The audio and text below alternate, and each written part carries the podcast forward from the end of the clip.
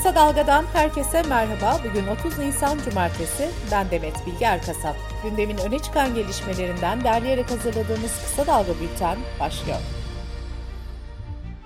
Danıştay'ın zeytinlik alanları madencilik faaliyetini açan yönetmelik değişikliğine dur dediği kararın ayrıntısı belli oldu. Kararda tahrip olan alanların eski hale getirilmesinin mümkün olmadığı, yönetmeliğin telafisi güç ve imkansız zararlar doğuracağı belirtildi.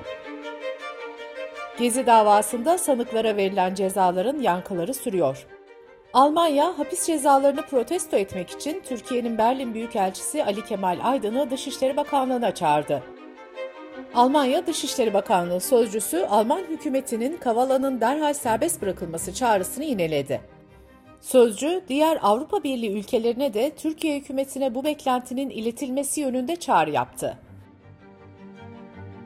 Cumhurbaşkanı Recep Tayyip Erdoğan, Gezi davası kararı sonrası kendisiyle ilgili eleştirilerde bulunan CHP Grup Başkan Vekili Özgür Özel aleyhine 250 bin liralık manevi tazminat davası açtı.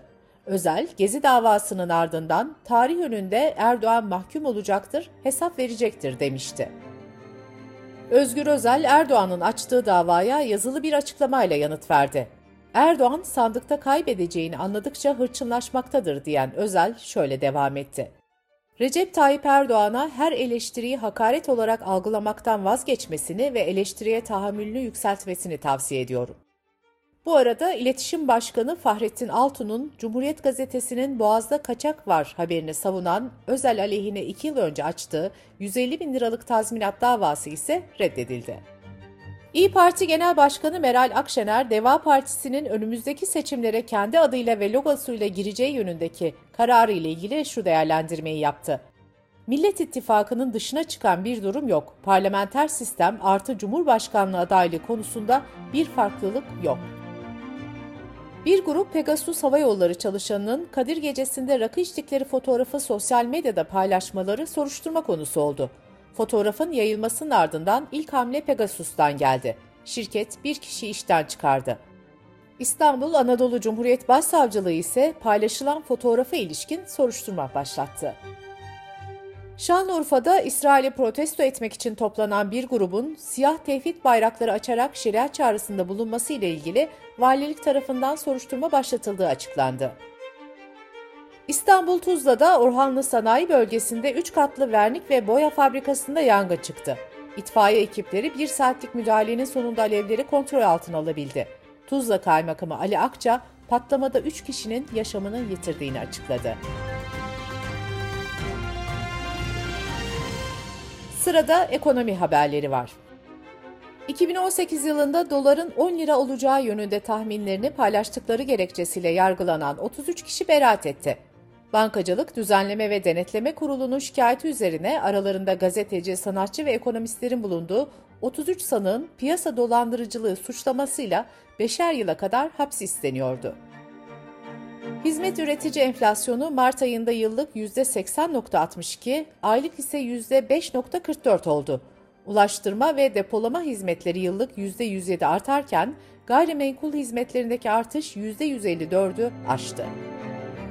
Türkiye İstatistik Kurumu Mart ayına ilişkin dış ticaret verilerini yayımladı. Buna göre Mart ayında dış ticaret açığı bir önceki yılın aynı ayına göre %75.1 artarak 4 milyar 666 milyon dolardan 8 milyar 169 milyon dolara yükseldi. Tarım ve Orman Bakanı Vahit Kirişçi, kırsal kalkınma destekleri kapsamında 695 projeye 205 milyon lira hibe desteği verileceğini duyurdu.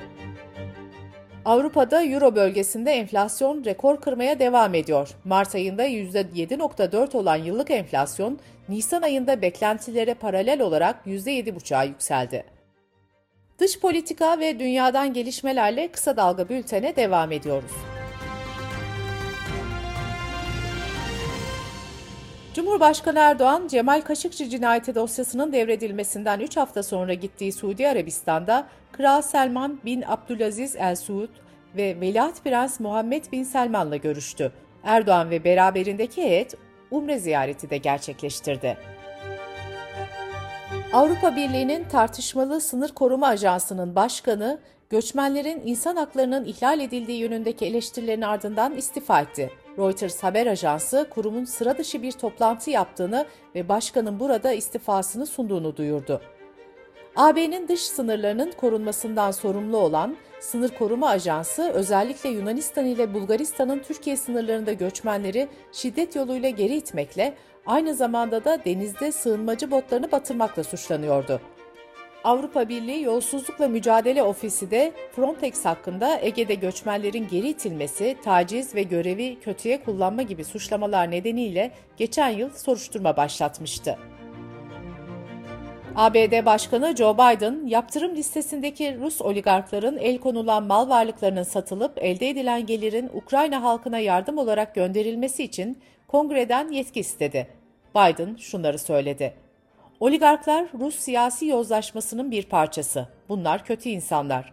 Onların lüks evlerine, yatlarına ve diğer mal varlıklarına el koyacağız.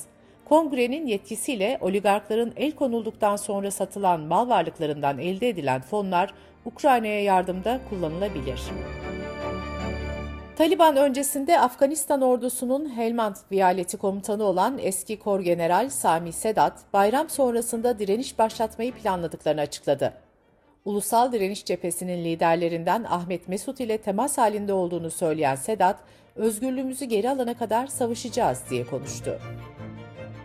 İngiltere Dışişleri Bakanı Liz Truss'ın NATO, Pasifik'in korunması ve Tayvan gibi demokrasilerin kendilerini savunabilmesini de sağlamalı sözlerine Çin'den tepki geldi.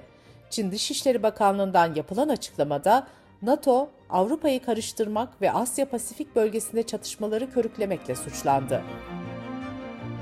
ABD Gıda ve İlaç İdaresi ülkede mentollü sigaraların ve aromalı puroların yasaklanmasına yönelik öneride bulundu.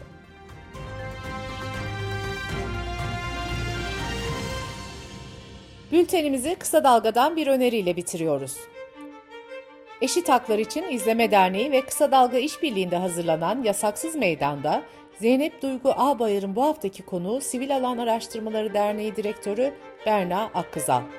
Berna Akkızal, kampüslerdeki barışçıl toplantı ve gösteri hakkının kullanımı ve hakkın cezalandırılmasını anlatıyor.